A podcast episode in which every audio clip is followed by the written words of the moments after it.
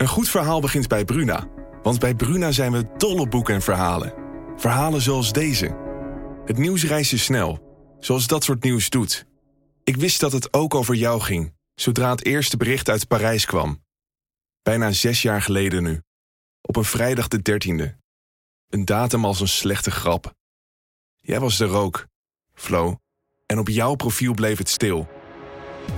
Wil jij weten hoe dit afloopt? Je leest het in Luister van Sascha Bronwasser. Nu bij Bruna. Dit is Trick Privé. De dagelijkse showbiz-update met Evert Zandgoeds en Jordi Versteegde. Boem, boem, boem, boem, boem. Het is net het journaal hoor. Hè? Ja, te gek toch? Ja, het is prachtig. Ik heb inmiddels Wat een tune. één iemand gehoord die is hem nu al, nu al helemaal beu, de tune. Maar dat, Nou. kon ik, dat kon ik me niet voorstellen. Het is toch lekker dit orkest? Ja. Nou, en we betalen flink, dus wat dat betreft. Zeg Evert, waar was jij gisteren toen eh, André het statement naar buiten wacht? Nou, thuis en, en eh, eh, ineens kreeg ik het van alle kanten toegestuurd natuurlijk. En toen dacht ik, oeh, ik moet even gaan tikken voor de krant van vandaag. En ja, mijn eerste reactie was, nou dan redt hij wel dat Holland zingt hazes. Want zo'n succes was het afgelopen jaar niet. Mensen kwamen daar erg teleurgesteld van terug, omdat het weer meer van weer hetzelfde was. En ja, een, een Holland zingt hazes zonder hazes, alleen Roxanne, dat was, eh, dat was geen groot succes. Dus de keuze om niet volgend najaar terug te komen, maar volgend voorjaar. En dan meteen met Holland Zingt Hazes. Ja. Dat is eh, met gejuich ontvangen bij de makers van eh, die Ziggo-productie. Want ja, daar verkoop je wel kaarten op. Er zijn nu twee avonden geboekt. En reken maar dat dat er gewoon weer vier gaan worden nu hij eh, meedoet. En dat is ook goed voor de portemonnee van Dre, die daar natuurlijk flink in kan meedelen.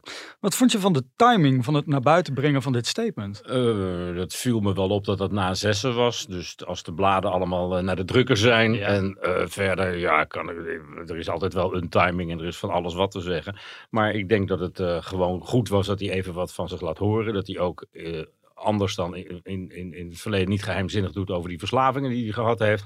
En als we het hebben over verslavingen, dan kun je er aan drie tegelijk denken. Ja, welke? Aan, nou ja, drank, drugs en, en anabolen, daar zag het toch ook wel naar uit. Want Aandacht je ook kan, een beetje? Je, ja, je kan hard eh, trainen, maar de, de, de snelheid waarmee de- de- Dreetje een Michelin-man werd, dat, is, eh, dat, dat, dat grenst aan het ongelofelijke. En ja, ik denk dat hij daar gewoon nu eerlijk over geweest is en nog eerlijker over wordt in die docu-soap. En dat gaan we wel zien. Trouwens, dat is het eerste wat we van hem gaan horen. Hè? De tune van die docu-soap, die heeft hij zelf ingezongen met zijn eigen band en aangevuld door een heleboel strijkers en blazers van het Metropoolorkest. Dus daar ben ik wel benieuwd naar, want dat is het eerste in tijd wat we van hem gaan horen. Opgenomen net voordat hij op vakantie ging naar eh, Thailand met Monique. En eh, ja, dat dat een beetje in zwaar weer gekomen is door alle toestanden met Rox, dat geloof ik wel. Ja, nou, Monique heeft gisteren wel ook gereageerd hè, op het Ja. statement. En, en, en zegt eh, dat ze over bergen en dalen gaan. Een soort van songtekst heeft ze eronder geplaatst. Hoe moeten we dat lezen? Ja, maar je las het niet van we gaan er samen tegenaan. Dat, Nee. dat lees je helemaal niet juist. Nee. Het was meer van, nou ik heb respect voor je, hoe je van hoe ver je gekomen bent en waar je nu staat. En daar wens ik je succes mee. En laten we vrienden blijven. Zo lees ik het een beetje. André schrijft ook dat die mensen is verloren. Mensen is kwijtgeraakt in de afgelopen periode. Aan wat voor soort mensen moeten we dan denken? De meelopers. Je hebt Ja. altijd als artiest zo'n entourage om je heen verzameld. Ja. Waarvan sommigen blijven hangen, sommigen niet. Eh, z- zijn neef Jarno zegt wel fijn om weer samen onderweg te gaan straks. Nou, Ja. die is gebleven dan kennelijk. Maar er zijn heel veel mensen waarvan je, die, die zich voordoen als vrienden.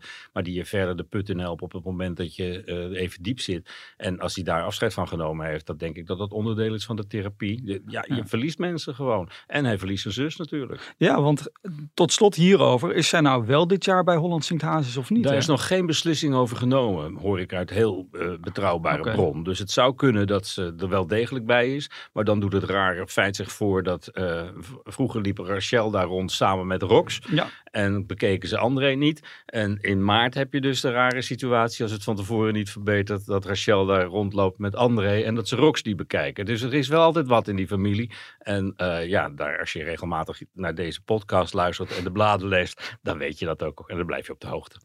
het is eh, twee weken geleden dat eh, Olivia Newton-John is overleden. Nog altijd heeft er geen uitvaart plaatsgevonden. Straks wil ik het daar nog even met jou over hebben. En we hebben weer een relatiebreuk bij de Borsato's. Maar eerst even wat vrolijkers. We gaan feliciteren. Rapper Brees is jarig. Trouwens, je mag geen rapper zeggen, vindt hij zelf, want Oh. hij is zanger. Ik vind hem een rapper, maar Ja, ja, als hij zegt dat hij niet rapt maar zingt, dan, eh, moet, hij dat, dan moet hij dat blijven benadrukken. Ja. Want ik dacht ook dat een rapper was. Maar hij is in ieder geval jarig en hij wordt vandaag...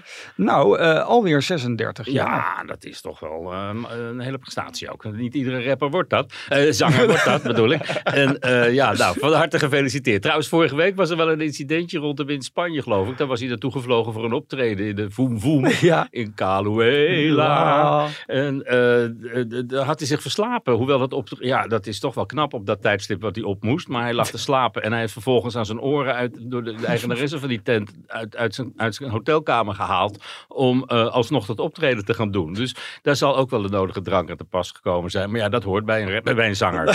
De beelden trouwens hiervan staan op telegraaf.nl. Het is echt de moeite waard om dat even Om dat te te checken. zien, ja, het is echt hilarisch.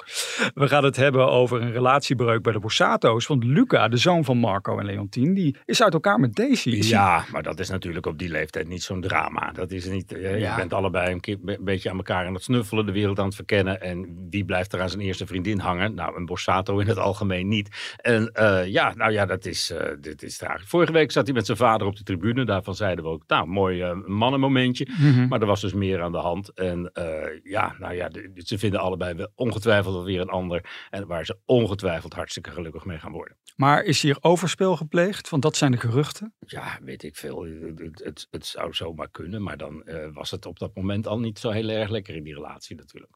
Wij gaan snel door met... Kip en het ei is dat, hè?